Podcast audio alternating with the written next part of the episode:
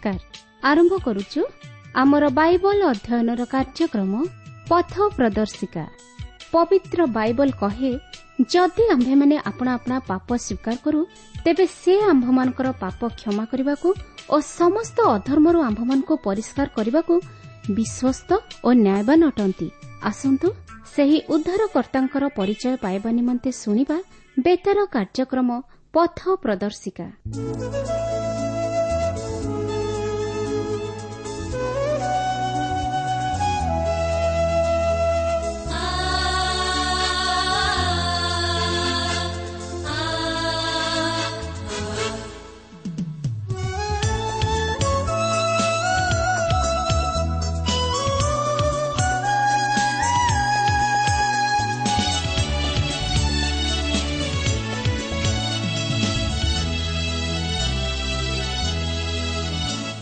କିଏ ସୁନ୍ଦର ଠିଆ ସ୍ଥାନେ କିଏ ସେହି ମହାଜନତା ସେନାପତି ଯୀଶୁ ସୋନ ସିଂହାସନେ କିଏ ସୁନ୍ଦର ଠିଆ ସ୍ଥାନେ କିଏ ସୁନ୍ଦର ଠିଆ ସ୍ଥାନେ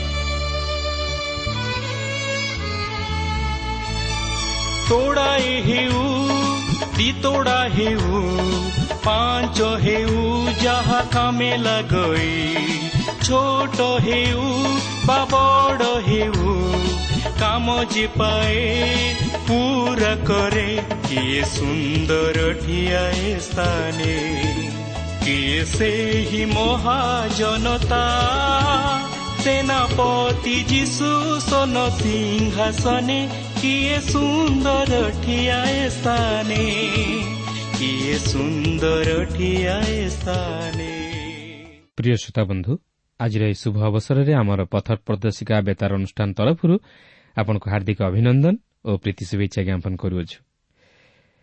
ପ୍ରଭୁ ଯୀଶୁଙ୍କ ବିଷୟରେ ଅଧିକ ଜାଣିବା ନିମନ୍ତେ ଆପଣଙ୍କର ଆଗ୍ରହକୁ ଦେଖି ଆମେ ବିଶେଷ ଖୁସି ପ୍ରଭୁଙ୍କ ନାମକୁ ଧନ୍ୟବାଦ ଦେଉ। ପ୍ରଭୁ ନିଶ୍ଚିତ ଭାବରେ ଆପଣଙ୍କର ମନସ୍କାମନା ପୂର୍ଣ୍ଣ କରିବେ ଆଉ ସେ ଆପଣଙ୍କୁ ଆତ୍ମିକ ଜୀବନରେ ବର୍ଦ୍ଧିଷ୍ଣୁ କରାଇବେ। ସେ ଆପଣଙ୍କୁ ସୁରକ୍ଷା ପ୍ରଦାନ କରିବେ। ସେ ଆପଣଙ୍କ ଜୀବନରେ ସେ ଶାନ୍ତି ଆନନ୍ଦ ଭରିଦେବେ। ଆସନ୍ତୁ ପ୍ରଭୁଙ୍କର ବାକ୍ୟ ମଧ୍ୟକୁ ଯିବା ପୂର୍ବରୁ ସଂକ୍ଷେପରେ ପ୍ରାର୍ଥନା କରିବା। ପ୍ରିୟ ପବିତ୍ର ପ୍ରଭୁ ତୁମର ପବିତ୍ର ନାମର ଧନ୍ୟବାଦ କରୁଅଛୁ ଏହି ସୁନ୍ଦର ସମୟ ପାଇଁ ତୁମର ଜୀବନ୍ତ ବାକ୍ୟ ପାଇଁ। ପବିତ୍ର ପ୍ରଭୁ ତୁମର ବାକ୍ୟ ମଧ୍ୟ ଦେଇ ତୁମେ ଆମମାନଙ୍କ ସହିତ କଥା କୁହ। ପ୍ରତ୍ୟେକ ଶ୍ରୋତାବନ୍ଧୁମାନଙ୍କୁ ପ୍ରଭୁ ତୁମର ସେ ସ୍ୱର୍ଗୀୟ ଶାନ୍ତି ଆଶୀର୍ବାଦ ଅନୁଗ୍ରହରେ ପରିପୂର୍ଣ୍ଣ କର। ପ୍ରତ୍ୟେକ ଜୀବନରେ ପ୍ରଭୁ ତୁମେ କଥା କୁହ।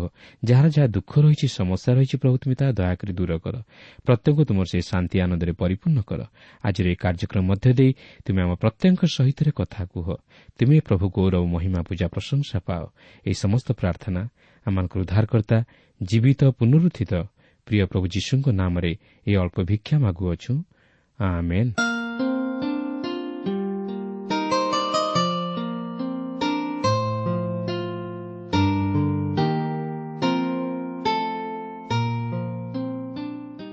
ଆସନ୍ତୁ ବର୍ତ୍ତମାନ ଆମେ ପ୍ରଭୁଙ୍କର ବାକ୍ୟ ମଧ୍ୟକୁ ଯିବା। ଆଜି ଆମେ ଦ୍ୱିତୀୟ ବଂଶାବଳୀ ତାହାର ସତେଇଶ ପର୍ବରୁ ଆରମ୍ଭ କରି ଅଣତିରିଶ ପର୍ବ ପର୍ଯ୍ୟନ୍ତ ଅଧ୍ୟୟନ କରିବା ନିମନ୍ତେ ଯିବା। ବର୍ତ୍ତମାନ ଆମେ ଉଷିୟଙ୍କ ପୁତ୍ର ଯୋଥମଙ୍କର ରାଜତ୍ୱ ସମ୍ପର୍କରେ ସଂକ୍ଷେପରେ କିଛି ଆଲୋଚନା କରିବା ନିମନ୍ତେ ଯିବା। ଯୋଥମ ହେଉଛନ୍ତି ଜୁହୁଦାର ଆଉ ଏକ ନୂତନ ରାଜା ଯାହାଙ୍କୁ ଆମମାନେ ଜଣେ ଉତ୍ତମ ରାଜା ରୂପେ ବିଚାର କରିପାରିବା।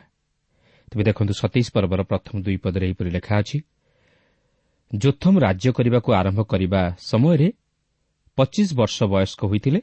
ସେ ଜୁରୁସାଲାମରେ ଷୋଳ ବର୍ଷ ରାଜ୍ୟ କଲେ। ତାଙ୍କର ମାତାଙ୍କ ନାମ ଜିରୁସା। ସେ ସାଦକର କନ୍ୟା ଥିଲେ।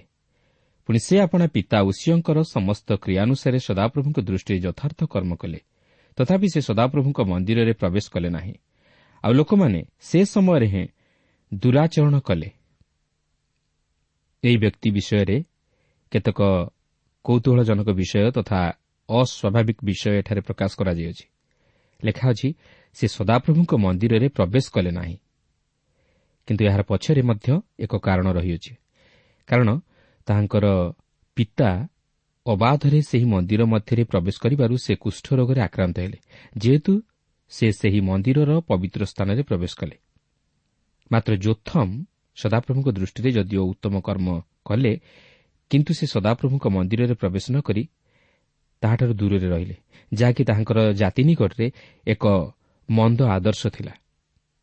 ଲୋକମାନେ ମଧ୍ୟ ସେହି ଆଦର୍ଶରେ ଅନୁପ୍ରାଣିତ ହୋଇ ଈଶ୍ୱରଙ୍କଠାରୁ ବିମୁଖ ହେଲେ। ହୋଇପାରେ ତାହାଙ୍କର ପିତାଙ୍କର ସେହି ମନ୍ଦିରରେ ପ୍ରବେଶ କରି କୁଷ୍ଠରୋଗରେ ଆକ୍ରାନ୍ତ ହେବାର ବିଷୟ ତାହାଙ୍କ ମନରେ ତିକ୍ତତା ଆଣିଦେଇ ପାରିଥାଏ। କିନ୍ତୁ ସେ ଯାହା ହେଉନା କାହିଁକି ଜଣେ ରାଜା ସ୍ୱରୂପେ ତାହାଙ୍କର ପ୍ରଜାମାନଙ୍କୁ ଈଶ୍ୱରଙ୍କର ନିକଟବର୍ତ୍ତୀ କରାଇବା ତାହାଙ୍କର ଉଚିତ ଥିଲା। ମାତ୍ର ତାହାଙ୍କର ପିତା ସେହି ମନ୍ଦିରରେ ପ୍ରବେଶ କରି କୁଷ୍ଠରୋଗରେ ଆକ୍ରାନ୍ତ ହେବାରୁ ସେ ସେହି ମନ୍ଦିରକୁ ଯିବା ନିମନ୍ତେ ଇଚ୍ଛା କଲେ ନାହିଁ।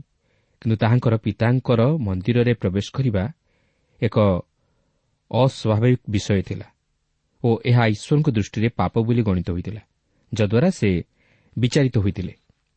କିନ୍ତୁ ଯୋଥମ୍ ସେହି ବିଷୟ ନେଇ ମନରେ ତିକ୍ତଭାବ ବହି ମନ୍ଦିରରେ ପ୍ରବେଶ ନ କରିବା ତାଙ୍କ ପକ୍ଷରେ ଉଚିତ ନଥିଲା।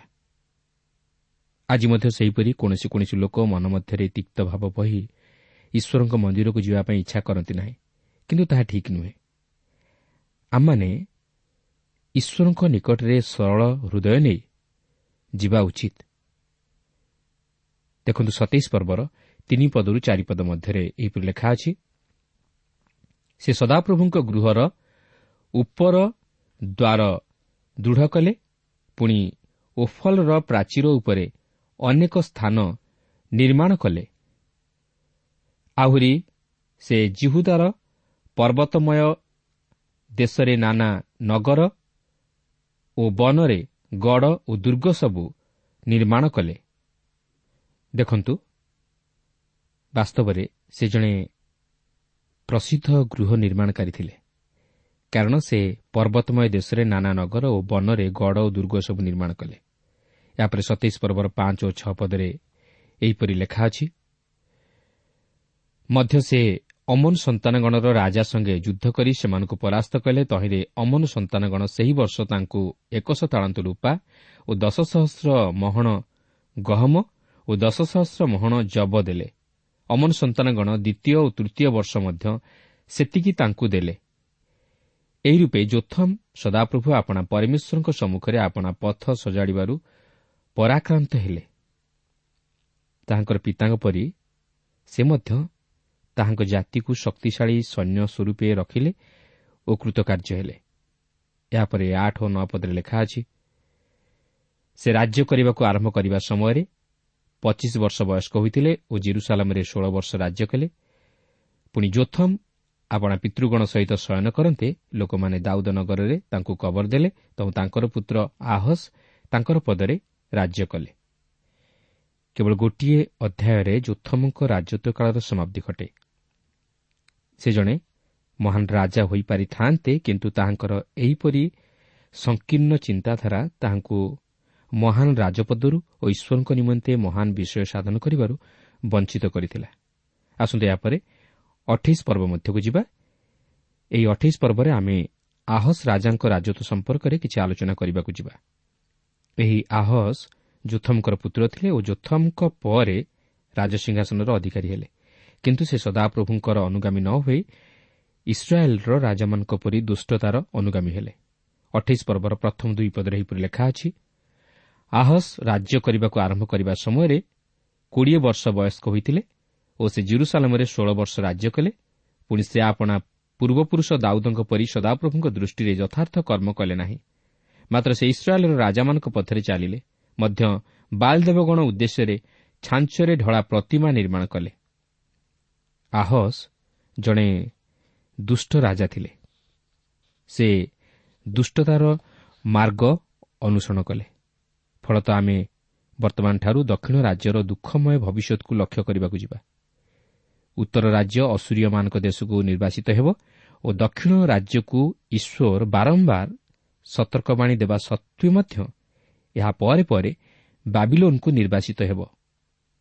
ତେବେ ଦେଖନ୍ତୁ ଅଠେଇଶ ପର୍ବର ତିନି ଓ ଚାରି ପଦରେ ଏହିପରି ଲେଖା ଅଛି। ଆହୁରି ସେ ହିନୋମ୍ ପୁତ୍ରର ଉପତ୍ୟକାରେ ଧୂପ ଯୋଡ଼ାଇଲେ ଓ ସଦାପ୍ରଭୁ ଇସ୍ରାଏଲ୍ ସନ୍ତାନଗଣ ସମ୍ମୁଖରୁ ଯେଉଁ ଅନ୍ୟ ଦେଶୀୟମାନଙ୍କୁ ଦୂର କରିଥିଲେ ସେମାନଙ୍କର ଘୃଣାଯୋଗ୍ୟ ବ୍ୟବହାର ଅନୁସାରେ ସେ ଆପଣା ସନ୍ତାନଗଣକୁ ଅଗ୍ନିରେ ଦଗ୍ଧ କଲେ।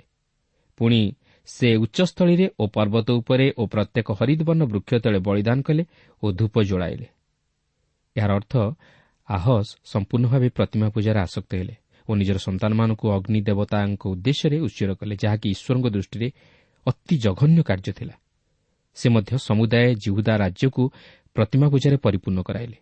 ଫଳତଃ ଅଠେଇଶ ପର୍ବର ପାଞ୍ଚ ପଦରୁ ପନ୍ଦର ପଦ ମଧ୍ୟରେ ଆମେ ଦେଖୁ ଯେ ସେମାନେ ନିଜର ଶତ୍ରୁମାନଙ୍କ ହସ୍ତରେ ଅର୍ଥାତ୍ ଅରାମିୟ ଓ ଇସ୍ରାଏଲ୍ ହସ୍ତରେ ପତିତ ହେଲେ। ମାତ୍ର ଈଶ୍ୱର ତାହାଙ୍କର ଲୋକଙ୍କୁ ପଠାଇ ସେମାନଙ୍କର ଭ୍ରାତା ଇସ୍ରାଏଲ୍ ହସ୍ତରୁ ସେମାନଙ୍କୁ ଛାଡ଼ିଦେବା ନିମନ୍ତେ କହିଲେ ଓ ସେମାନେ ଜିହୁଦାର ଲୋକମାନଙ୍କୁ ଛାଡ଼ିଦେଲେ। ଯଦି ଈଶ୍ୱରଙ୍କ ଆଦେଶ ମୁତାବକ ସେମାନେ ଜିହୁଦାର ଲୋକମାନଙ୍କୁ ଛାଡ଼ିଦେଇ ନଥାନ୍ତେ ତାହେଲେ ଜିହୁଦା ଲୋପ ପାଇଯାଇଥାନ୍ତା। ଏକ ଜାତି ସ୍ୱରୂପେ ତାହାର ଆଉ ସ୍ଥାନ ନଥାନ୍ତା। ଏହାପରେ ଆହସ୍ ରାଜା ଅସୁରୀୟ ରାଜାମାନଙ୍କଠାରୁ ସାହାଯ୍ୟ ପାଇବା ଆଶାରେ ସେମାନଙ୍କ ପ୍ରତି ଫେରିବାରୁ ମସ୍ତବଡ଼ ଭୁଲ କଲେ।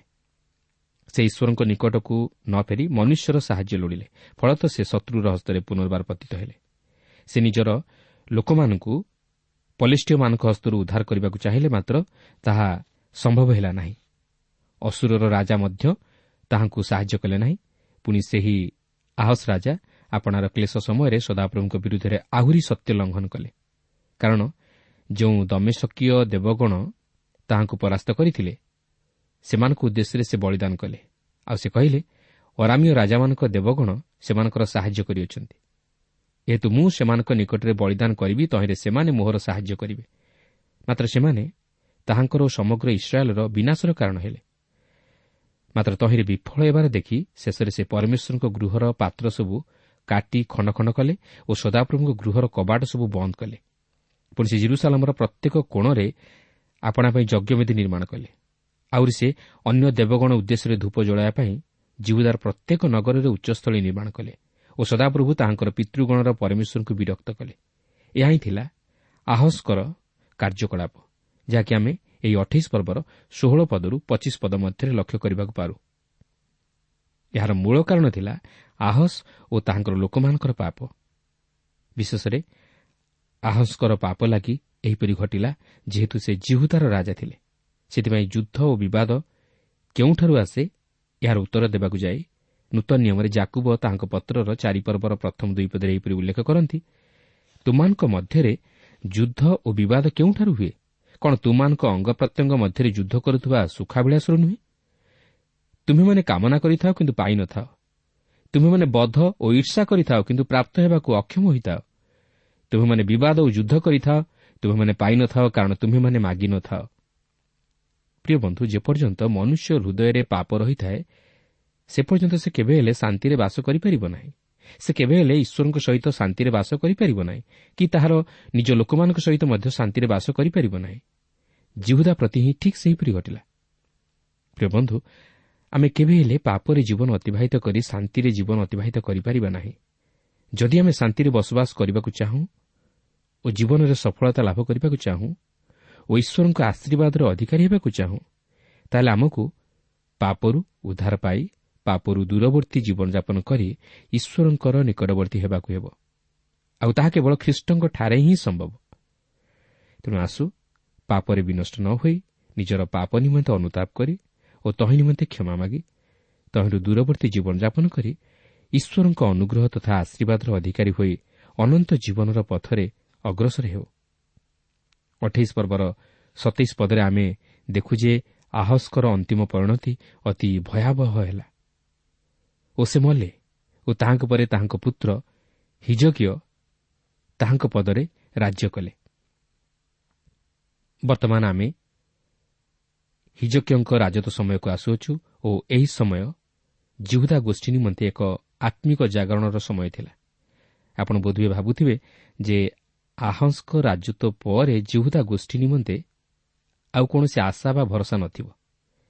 ସେମାନେ ଯୁଦ୍ଧରେ ପରାସ୍ତ ହୋଇଅଛନ୍ତି ସେ ଅସୁରୀୟମାନଙ୍କ ଦ୍ୱାରା ପ୍ରତାରିତ ହୋଇଅଛନ୍ତି।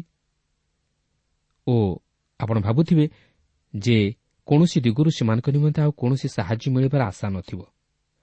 ମାତ୍ର ଏହିପରି ଏକ ଘଡ଼ିସନ୍ଧି ମୁହୂର୍ତ୍ତରେ ହିଜକିଓ ଜିହୁଦା ରାଜ୍ୟର ରାଜା ହେବାକୁ ଯାଉଅଛନ୍ତି କାରଣ ସେ ଈଶ୍ୱରଙ୍କ ଲୋକ ଥିଲେ ଓ ଈଶ୍ୱର ମଧ୍ୟ ତାହାଙ୍କୁ ଆଶ୍ଚର୍ଯ୍ୟ ଭାବରେ ବ୍ୟବହାର କଲେ। କାରଣ ଈଶ୍ୱର ଯଦିଓ ଏକ ପାଖେ ଦ୍ୱାର ବନ୍ଦ କରିଥାନ୍ତି କିନ୍ତୁ ଅପର ପାଖେ ସେ ଆଉ ଏକ ଦ୍ୱାର ଖୋଲିଥାନ୍ତି ଯେପରି ତାହାଙ୍କର ଲୋକମାନେ ରକ୍ଷାପ୍ରାପ୍ତ ହୁଅନ୍ତି। ତେବେ ଦେଖନ୍ତୁ ଅଣତିରିଶ ପର୍ବର ପ୍ରଥମ ପଦରେ ଏହିପରି ଲେଖା ଅଛି ହିଜକିୟ ରାଜ୍ୟ କରିବାକୁ ଆରମ୍ଭ କରିବା ସମୟରେ ପଚିଶ ବର୍ଷ ବୟସ୍କ ହୋଇଥିଲେ ଆଉ ସେ ଜିରୁସାଲାମରେ ଅଣତିରିଶ ବର୍ଷ ରାଜ୍ୟ କଲେ। ତାଙ୍କ ମାତାଙ୍କର ନାମ ଅବିଜା ସେ ଜିଖରିୟର କନ୍ୟା ଥିଲେ। ଆପଣ ଲକ୍ଷ୍ୟ କରିବେ ଏଠାରେ ଉଭୟ ମାତା ଓ ଅଜାଙ୍କ ନାମ ଉଲ୍ଲେଖ ହୋଇଅଛି କିନ୍ତୁ ତାହାଙ୍କ ପିତା ଆହସ୍ଙ୍କ ନାମ ଉଲ୍ଲେଖ ହୋଇନାହିଁ। ପ୍ରକୃତରେ ହିଜକିୟଙ୍କର ଈଶ୍ୱରପ୍ରିୟ ମାତା ଓ ଅଜା ଥିଲେ ଓ ସେମାନେ ହିଜକିୟଙ୍କୁ ପ୍ରଭୁରେ ବଢ଼ାଇଥିଲେ ଓ ପ୍ରଭୁଙ୍କ ବିଷୟରେ ଶିକ୍ଷିତ କରାଇଥିଲେ। ଅଣତିରିଶ ପର୍ବର ଦୁଇ ପଦରେ ଲେଖା ଅଛି ପୁଣି ସେ ଆପଣା ପୂର୍ବପୁରୁଷ ଦାଉଦଙ୍କର ସମସ୍ତ କ୍ରିୟାନୁସାରେ ସଦାପ୍ରଭୁଙ୍କ ଦୃଷ୍ଟିରେ ଯଥାର୍ଥ କର୍ମ କଲେ। ଯଦି ଆମେ ଦ୍ୱିତୀୟ ରାଜାବଳୀ ପୁସ୍ତକର ଅଠର ପର୍ବର ଚାରିପଦରୁ ସାତ ପଦ ମଧ୍ୟକୁ ଫେରିଯିବା ତାହେଲେ ସେଠାରେ ଆମେ ହିଜକିୟଙ୍କ ସମୟର ଆତ୍ମିକ ଜାଗରଣ ସବୁକୁ ଲକ୍ଷ୍ୟ କରିବାକୁ ପାରିବା। ଦେଖନ୍ତୁ ସେଠାରେ ଏହିପରି ଲେଖା ଅଛି ସେ ଉଚ୍ଚସ୍ଥଳୀ ସବୁ ଦୂର କରିଦେଲେ ଓ ସ୍ତମ୍ଭ ସବୁ ଭାଙ୍ଗି ପକାଇଲେ ଓ ଆଶାରା ମୂର୍ତ୍ତି କାଟି ପକାଇଲେ। ପୁଣି ମୂଷା ନିର୍ମିତ ପିତ୍ତଳ ସର୍ପ ଖଣ୍ଡ ଖଣ୍ଡ କରି ଭାଙ୍ଗିଦେଲେ। କାରଣ ତହିଁ ଉଦ୍ଦେଶ୍ୟରେ ଇସ୍ରାଏଲ୍ ସନ୍ତାନଗଣ ସେ ସମୟ ପର୍ଯ୍ୟନ୍ତ ଧୂପ ଯୋଡ଼ାଉଥିଲେ ଆଉ ସେ ତାହାର ନାମ ନହୁର୍ଷ୍ଟନ୍ ପିତ୍ତଳ ଖଣ୍ଡ ରଖିଲେ। ସେ ସଦାପ୍ରଭୁ ଇସ୍ରାଏଲ୍ର ପରମେଶ୍ୱରଙ୍କଠାରେ ବିଶ୍ୱାସ କଲେ। ତାହାଙ୍କର ପରବର୍ତ୍ତୀ ଜୁହୁଦାର ସମସ୍ତ ରାଜାଙ୍କ ମଧ୍ୟରେ କେହି ତାହାଙ୍କ ପରି ନଥିଲେ। କିଅବା ତାହାଙ୍କର ପୂର୍ବବର୍ତ୍ତୀମାନଙ୍କ ମଧ୍ୟରେ କେହି ନଥିଲେ। କାରଣ ସେ ସଦାପ୍ରଭୁଙ୍କ ପ୍ରତି ଆସକ୍ତ ହେଲେ। ସେ ତାହାଙ୍କର ଅନୁଗମନରୁ ବିମୁଖ ହେଲେ ନାହିଁ। ଆଉ ସଦାପ୍ରଭୁ ମୂଷାଙ୍କୁ ଯାହା ଆଜ୍ଞା କରିଥିଲେ ତାହାଙ୍କର ସେସବୁ ଆଜ୍ଞା ସେ ପାଳନ କଲେ। ପୁଣି ସଦାପ୍ରଭୁ ତାହାଙ୍କର ସହବର୍ତ୍ତୀ ହେଲେ। ସେ ଯେକୌଣସି ଆଡ଼େ ଗଲେ ସେଆଡ଼େ କୁଶଳ ପ୍ରାପ୍ତ ହେଲେ। ଆଉ ସେ ଅସୁର ରାଜାର ବିଦ୍ରୋହୀ ହୋଇ ତାହାର ସେବା କଲେ ନାହିଁ। ବାସ୍ତବରେ ଜିହୁଦାର ରାଜାମାନଙ୍କ ମଧ୍ୟରେ ଯେଉଁମାନେ ଦାଉଦଙ୍କ ପଥରେ ଚାଲିଥିଲେ ସେମାନଙ୍କ ମଧ୍ୟରେ ହିଜକିୟଙ୍କ ପରି କେହି ନଥିଲେ। ସେ ତାହାଙ୍କ ରାଜତ୍ୱ ସମୟରେ ଲୋକମାନଙ୍କୁ ଈଶ୍ୱରଙ୍କର ନିକଟବର୍ତ୍ତୀ କରାଇ ଜିହୁଦା ରାଜ୍ୟ ମଧ୍ୟରେ ଏକ ମହାନ ଆତ୍ମିକ ଜାଗରଣ ଆଣିଦେଇଥିଲେ ଯାହାକି ତାହାଙ୍କ ପୂର୍ବରେ ବା ପରବର୍ତ୍ତୀ ସମୟରେ କୌଣସି ରାଜା ସେପରି କରିପାରିନଥିଲେ। ସେ ମହାନ ଈଶ୍ୱରଙ୍କର ଜଣେ ମହାନ ସେବକ ଥିଲେ। ତେବେ ଏହି ଦ୍ୱିତୀୟ ବଂଶାବଳୀ ପୁସ୍ତକ ଈଶ୍ୱରଙ୍କ ଦୃଷ୍ଟିକୋଣରୁ ନେଇ ଉଲ୍ଲେଖ ହୋଇଥିବାରୁ ଚାରୋଟି ପର୍ବ ହିଜକିୟଙ୍କୁ ଉପସ୍ଥାପିତ କରେ। ଏଥିରୁ ସୁସ୍ପଷ୍ଟ ହୁଏ ଯେ ଈଶ୍ୱର ହିଜକିୟଙ୍କ ଉପରେ ଅତି ସନ୍ତୁଷ୍ଟ ଥିଲେ। ଏପରିକି ଜିସାଏ ଭବିଷ୍ୟତ ବକ୍ତା ମଧ୍ୟ ହିଜକିୟଙ୍କ ବିଷୟ ନେଇ ତାଙ୍କ ପୁସ୍ତକରେ ଉପସ୍ଥାପିତ କରିଅଛନ୍ତି ଯାହାକି ଐତିହାସିକ। ଈଶ୍ୱରଙ୍କ ବାକ୍ୟ ମଧ୍ୟରେ ତିନିଥର ଏହି ବ୍ୟକ୍ତିଙ୍କ ବିଷୟ ନେଇ ପ୍ରକାଶ କରାଯାଇଅଛି। ଓ ଲୋକମାନଙ୍କୁ ଈଶ୍ୱରଙ୍କର ନିକଟବର୍ତ୍ତୀ କରାଇବାରେ ତାହାଙ୍କର ନେତୃତ୍ୱ ନେବା ବିଷୟ ନେଇ ମଧ୍ୟ ଉଲ୍ଲେଖ ହୋଇଅଛି। ଏହି ବଂଶାବଳୀ ପୁସ୍ତକରେ ଈଶ୍ୱରଙ୍କ ଉପାସନା ନେଇ ସେ ଯେଉଁସବୁ ସକାରାତ୍ମକ କାର୍ଯ୍ୟମାନ ସାଧନ କରିଅଛନ୍ତି ତାହା ଆମେ ଲକ୍ଷ୍ୟ କରିବାକୁ ପାରିବା। ଅଣତିରିଶ ପର୍ବର ତିନି ପଦରେ ଏହିପରି ଲେଖା ଅଛି ସେ ଆପଣା ଅଧିକାରର ପ୍ରଥମ ବର୍ଷର ପ୍ରଥମ ମାସରେ ସଦାପ୍ରଭୁଙ୍କ ଗୃହର କବାଟ ସବୁ ଫିଟାଇ ସେସବୁର ଜୀର୍ଣ୍ଣ ସଂସ୍କାର କଲେ। ଆପଣଙ୍କର ମନେଥିବ ଯେ ଆହସ୍ ସଦାପ୍ରଭୁଙ୍କ ଗୃହର କବାଟ ସବୁ ବନ୍ଦ କରିଦେଇଥିଲେ ଓ କେହି ହେଲେ ତାହା ବ୍ୟବହାର କରୁନଥିଲେ। କିନ୍ତୁ ହିଜକିଓ ଯେତେବେଳେ ରାଜ୍ୟ କରିବାକୁ ଆରମ୍ଭ କଲେ ସେ ମନ୍ଦିରର ଦ୍ୱାର ସବୁକୁ ଖୋଲିଦେଲେ। ବର୍ତ୍ତମାନ ସେ ସେମାନଙ୍କୁ ସେହିସବୁକୁ ପରିଷ୍କାର କରିବାକୁ କହୁଅଛନ୍ତି। ଅଣତିରିଶ ପର୍ବର ଚାରି ଓ ପାଞ୍ଚ ପଦରେ ଏହିପରି ଲେଖା ଅଛି ପୁଣି ସେ ଯାଜକ ଓ ଲେବିୟମାନଙ୍କୁ ଅଣାଇ ପୂର୍ବ ଦିଗ ଛକରେ ଏକତ୍ର କରି ସେମାନଙ୍କୁ କହିଲେ ହେ ଲେବିୟମାନେ ତୁମେମାନେ ମୋ କଥା ଶୁଣ। ଏବେ ଆପଣାମାନଙ୍କୁ ପବିତ୍ର କର ଓ ସଦାପ୍ରଭୁ ତୁମମାନଙ୍କ ପିତୃଗଣର ପରମେଶ୍ୱରଙ୍କ ଗୃହ ପବିତ୍ର କରି ସେହି ପବିତ୍ର ସ୍ଥାନରୁ ଅଶୌଚ ଦୂର କର। ହିଜକୀୟ ସେହି ଯାଜକ ଓ ଲେବିୟମାନଙ୍କୁ କହନ୍ତି ଏବେ ଆପଣାମାନଙ୍କୁ ପବିତ୍ର କର। କାରଣ ସେମାନଙ୍କୁ ପବିତ୍ର ଭାବେ ସାଧୁତାର ସହିତ ଓ ବିଶ୍ୱସ୍ତତାର ସହିତ ଜୀବନଯାପନ କରିବାକୁ ଥିଲା। ଈଶ୍ୱରଙ୍କ ନିମନ୍ତେ ସେମାନେ ନିଜକୁ ସମ୍ପୂର୍ଣ୍ଣ ପୃଥକୀକୃତ କରିବାକୁ ଥିଲା। ତାହା ହିଁ ଆବଶ୍ୟକ ଥିଲା। ଆଜି ମଧ୍ୟ ଆମମାନଙ୍କୁ ସେହି ପ୍ରକାର ପବିତ୍ରତା ରକ୍ଷା କରିବାକୁ ଅଛି। କିନ୍ତୁ ଜଗତ ସହିତ ଆପୋଷ ମିଳାମିଶାର ଭାବ ପୋଷଣ କରିବା ଉଚିତ ନୁହେଁ। ଯାହା ମନ୍ଦ ତାହା ପରିତ୍ୟାଗ କରିବାକୁ ହେବ ଓ ଯାହା ଉତ୍ତମ ତହିଁରେ ଆସକ୍ତ ହେବାକୁ ହେବ। ଏହାପରେ ଅଣତିରିଶ ପର୍ବର ଛଅ ଓ ସାତ ପଦରେ ଏହିପରି ଲେଖା ଅଛି କାରଣ ଆମ୍ଭମାନଙ୍କ ପୂର୍ବପୁରୁଷମାନେ ସତ୍ୟ ଲଙ୍ଘନ କରି ସଦାପ୍ରଭୁ ଆମମାନଙ୍କ ପରମେଶ୍ୱରଙ୍କ ଦୃଷ୍ଟିରେ କୁକର୍ମ କରିଅଛନ୍ତି। ଓ ତାହାଙ୍କୁ ପରିତ୍ୟାଗ କରି ସଦାପ୍ରଭୁଙ୍କ ଆବାସରୁ ବିମୁଖ ହୋଇ ତହିଁ ପ୍ରତି ଆପଣା ପୃଷ୍ଠ ଫେରାଇଅଛନ୍ତି ଆହୁରି ସେମାନେ ବରଣ୍ଡାର କବାଟ ସବୁ ବନ୍ଦ କରି ପ୍ରଦୀପ ସବୁ ନିଭାଇ ଦେଇଅଛନ୍ତି ଓ ସେହି ପବିତ୍ର ସ୍ଥାନରେ ଇସ୍ରାଏଲ୍ର ପରମେଶ୍ୱରଙ୍କ ଉଦ୍ଦେଶ୍ୟରେ ଧୂପ ଯୋଡ଼ାଇ ନାହାନ୍ତି କିମ୍ବା ହୋମବଳି ଉତ୍ସର୍ଗ କରିନାହାନ୍ତି ଏଠାରେ ଦେଖନ୍ତୁ ଏଥିନିମନ୍ତେ ସେ ତାହାଙ୍କର ପୂର୍ବପୁରୁଷମାନଙ୍କୁ ଦାୟୀ କରନ୍ତି।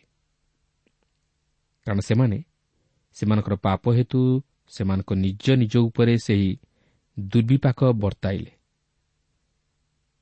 ଅଣତିରିଶ ପର୍ବର ଆଠ ଓ ନଅ ପଦରେ ଲେଖା ଅଛି ଏହେତୁ ଜିହୁଦା ଓ ଜିରୁସାଲମ ଉପରେ ସଦାପ୍ରଭୁଙ୍କ କୋପ ଉପସ୍ଥିତ ହେଲା। ପୁଣି ତୁମ୍ଭେମାନେ ସ୍ୱଚକ୍ଷୁରେ ଦେଖୁଅଛ ଯେ ସେ ସେମାନଙ୍କୁ ଏଣେତେଣେ ଚାଳିତ ହେବା ପାଇଁ ଆଶଙ୍କାର ଓ ଶିସ୍ର ବିଷୟ କରିବା ପାଇଁ ସମର୍ପଣ କରିଅଛନ୍ତି। କାରଣ ଦେଖ ତହିଁ ସକାଶୁ ଆମମାନଙ୍କ ପିତୃଗଣ ଖଡ଼ଗରେ ପଡ଼ିଅଛନ୍ତି ଓ ଆମମାନଙ୍କ ପୁତ୍ର କନ୍ୟା ଓ ଆମମାନଙ୍କ ଭାର୍ଯ୍ୟାଗଣ ବନ୍ଦୀ ହୋଇଅଛନ୍ତି।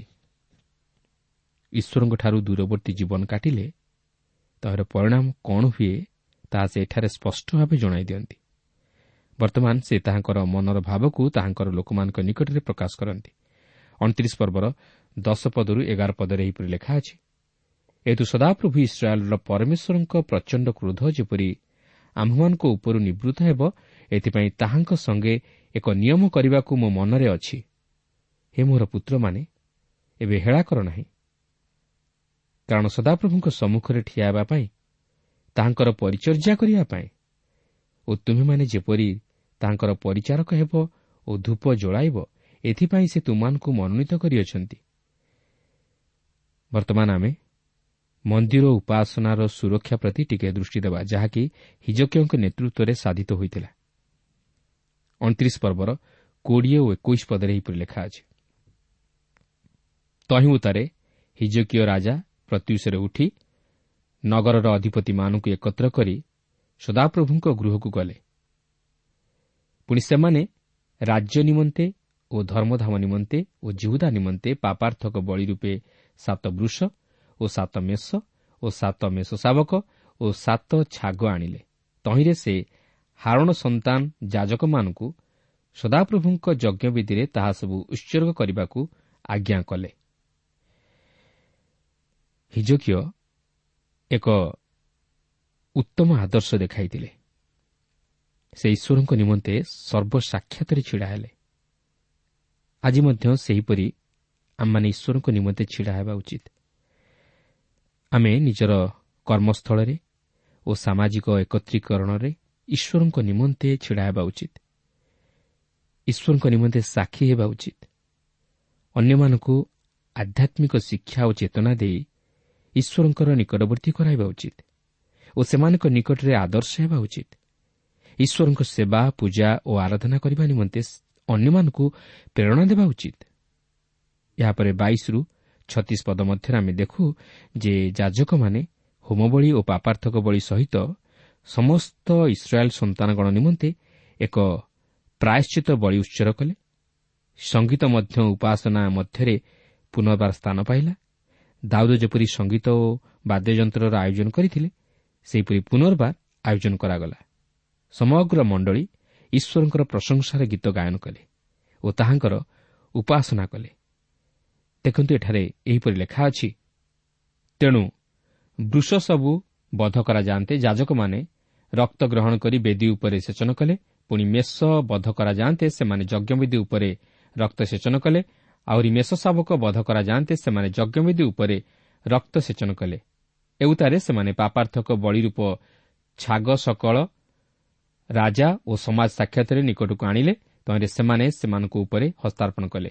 ତେଣୁ ସମଗ୍ର ଇସ୍ରାଏଲ୍ ନିମନ୍ତେ ପ୍ରାୟଶ୍ଚିତ କରିବାକୁ ଯାଜକମାନେ ସେସବୁ ବଧ କରି ଯଜ୍ଞବିଧି ଉପରେ ସେମାନଙ୍କ ରକ୍ତ ଦ୍ୱାରା ପାପାର୍ଥକ ବଳି କଲେ। କାରଣ ସମଗ୍ର ଇସ୍ରାଏଲ୍ ନିମନ୍ତେ ହୋମବଳି ଓ ପାପାର୍ଥକ ବଳି ଉତ୍ସର୍ଗ କରିବାକୁ ରାଜା ଆଜ୍ଞା ଦେଇଥିଲେ।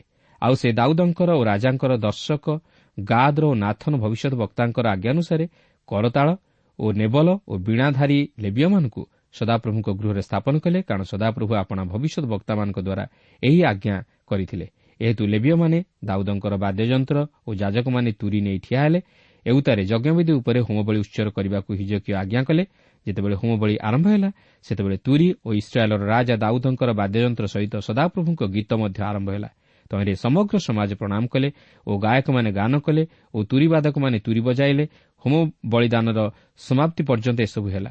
ପୁଣି ସେମାନେ ବଳିଦାନ ସମାପ୍ତ କରନ୍ତେ ରାଜା ଓ ତାଙ୍କ ସଙ୍ଗେ ଉପସ୍ଥିତ ଲୋକ ସମସ୍ତେ ମୁହଁମାଡ଼ି ପଡ଼ି ପ୍ରଣାମ କଲେ। ଆହୁରି ହିଜକୀୟ ରାଜା ଓ ଅଧିପତିମାନେ ଦାଉଦଙ୍କର ଆସଫ ଦର୍ଶକର ବାକ୍ୟରେ ସଦାପ୍ରଭୁଙ୍କର ଉଦ୍ଦେଶ୍ୟରେ ପ୍ରଶଂସା ଗାନ କରିବାକୁ ଲେବିୟମାନଙ୍କୁ ଆଜ୍ଞା କଲେ। ତୁ ସେମାନେ ଆନନ୍ଦରେ ପ୍ରଶଂସା ଗାନ କଲେ ଓ ମସ୍ତକ ନତ କରି ପ୍ରଣାମ କଲେ। ଏଥିସହିତ ନିସ୍ତାର ପର୍ବର ଭୋଜ ମଧ୍ୟ ପୁନର୍ବାର ଆୟୋଜନ କରାଗଲା। ପ୍ରଭୁ ପ୍ରତ୍ୟେକଙ୍କୁ ଏହି ସଂକ୍ଷିପ୍ତ ଆଲୋଚନା ମଧ୍ୟ ଦେଇ ଆଶୀର୍ବାଦ କରନ୍ତୁ।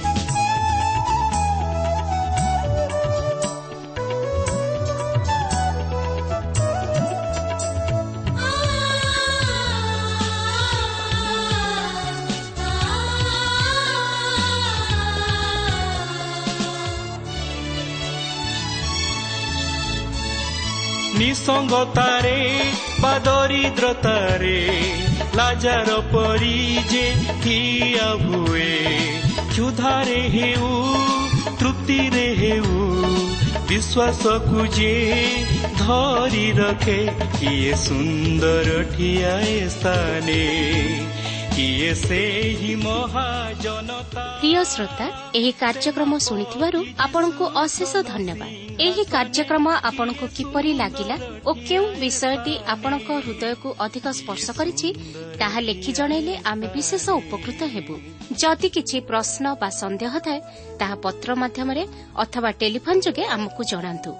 ଆମର ଠିକଣା ପଥ ପ୍ରଦର୍ଶିକା Trans World radio India post box number ତିନି ତିନି ଭୁବନେଶ୍ୱର ସାତ ପାଞ୍ଚ ଏକ ଶୂନ ଶୂନ ଏକ। Mobile number nine seven double seven double two one four one five ଠିକଣାଟି ଆଉଥରେ ଶୁଣନ୍ତୁ ପଥ ପ୍ରଦର୍ଶିକା Trans World radio India post box number three three Bhubaneswar seven five one zero zero one mobile number nine seven double seven double two one four one five ଆମର email ଆଡ୍ରେସ୍ଟି ଲେଖି ରଖନ୍ତୁ Odia TV at radio eight eight two dot com. ତେବେ ଆଜି ପାଇଁ ଏଇଠାରେ ରଖୁଛୁ। ନମସ୍କାର। କିଏ ସୁନ୍ଦର ଠିଆ ସ୍ଥାନେ କିଏ ସେହି ମହାଜନତା। ସେନାପତି ଯୀଶୁ ସୋନ ସିଂହାସନେ କିଏ ସୁନ୍ଦର ଠିଆ ସ୍ଥାନେ କିଏ ସୁନ୍ଦର ଠିଆ ସ୍ଥାନେ।